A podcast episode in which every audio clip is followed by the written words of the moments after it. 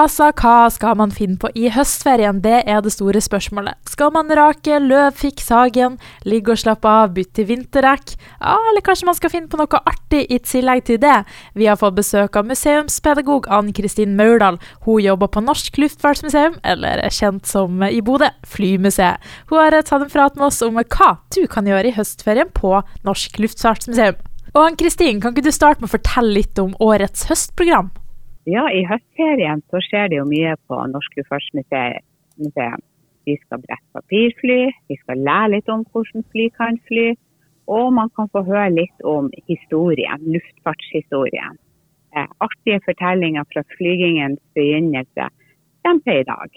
Vi skal eksperimentere litt, og man kan få testa seg litt på ulike egenskaper. Har du god konsentrasjon? Er du eh, god å huske? Hvordan er reaksjonen din. Så det er mye man kan prøve å gjøre på museet i høstferien. Ja, så har dere jo bl.a. denne utstillinga Bli pilot. Hvorfor ønsker dere å ha en sånn utstilling? Det er fordi at på et museum så er det jo mye å se, men vi har jo lyst til at det skal være litt å gjøre også. Eh, så i den utstillinga kan man virkelig få, få, gjort mye. Man får testa ulike egenskaper. Og så er det sånne egenskaper som kan være bra å ha i luftfarten. Selvfølgelig i andre yrker også. Som å samarbeide, som å ha god konsentrasjon, multitask. Så det er forskjellige ting man kan teste der. Hvem er det denne utstillingen passer for? Det passer egentlig for alle.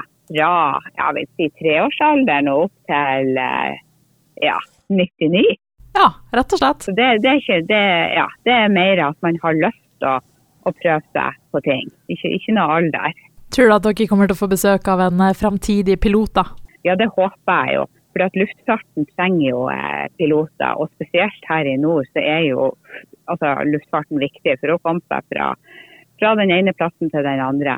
Og kanskje kan barn bli inspirert av å være i blypilotutstillinga. Ikke sikkert de har tenkt på det yrket, men eh, det, det kan jo hende noen blir inspirert til å gå den veien. Og så lurer jeg litt på når er det ting foregår i høstferien hos dere? Ja, eh, en del av programmet er jo på oppsatte tidspunkt. Så klokka halv tolv hver dag så er det litt luftfartshistorie. Og der er det mye spennende. Bl.a. f.eks. hvorfor havna en sau i en varmluftsballong? Klokka ett er det hvordan kan vi fly? Da skal vi se på hvordan er det mulig at et fly kan fly. Og klokka halv tre da er det papirflybretting.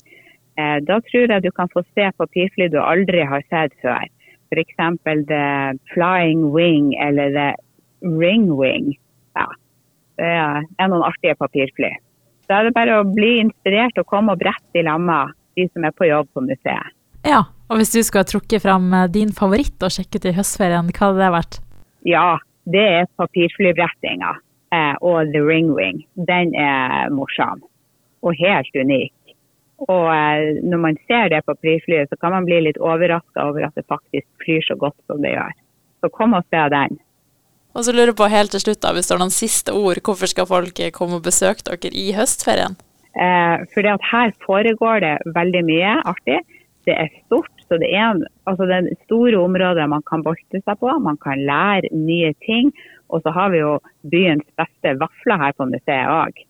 Og nydelig utsikt fra tårnet. Så eh, ja, nei.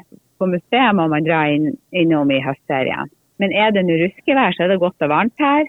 Mye å lære og mye å se og gjøre. Vi har jo Lego, haugevis med Lego som mange syns er artig å holde på med. Og Lego er jo, som vi vet, utrolig gøy og kan anbefales sterkt. Tusen takk til Ann-Kristin. Ønsker du å høre mer om programmet, kan du gå inn på luftfartsmuseum.no.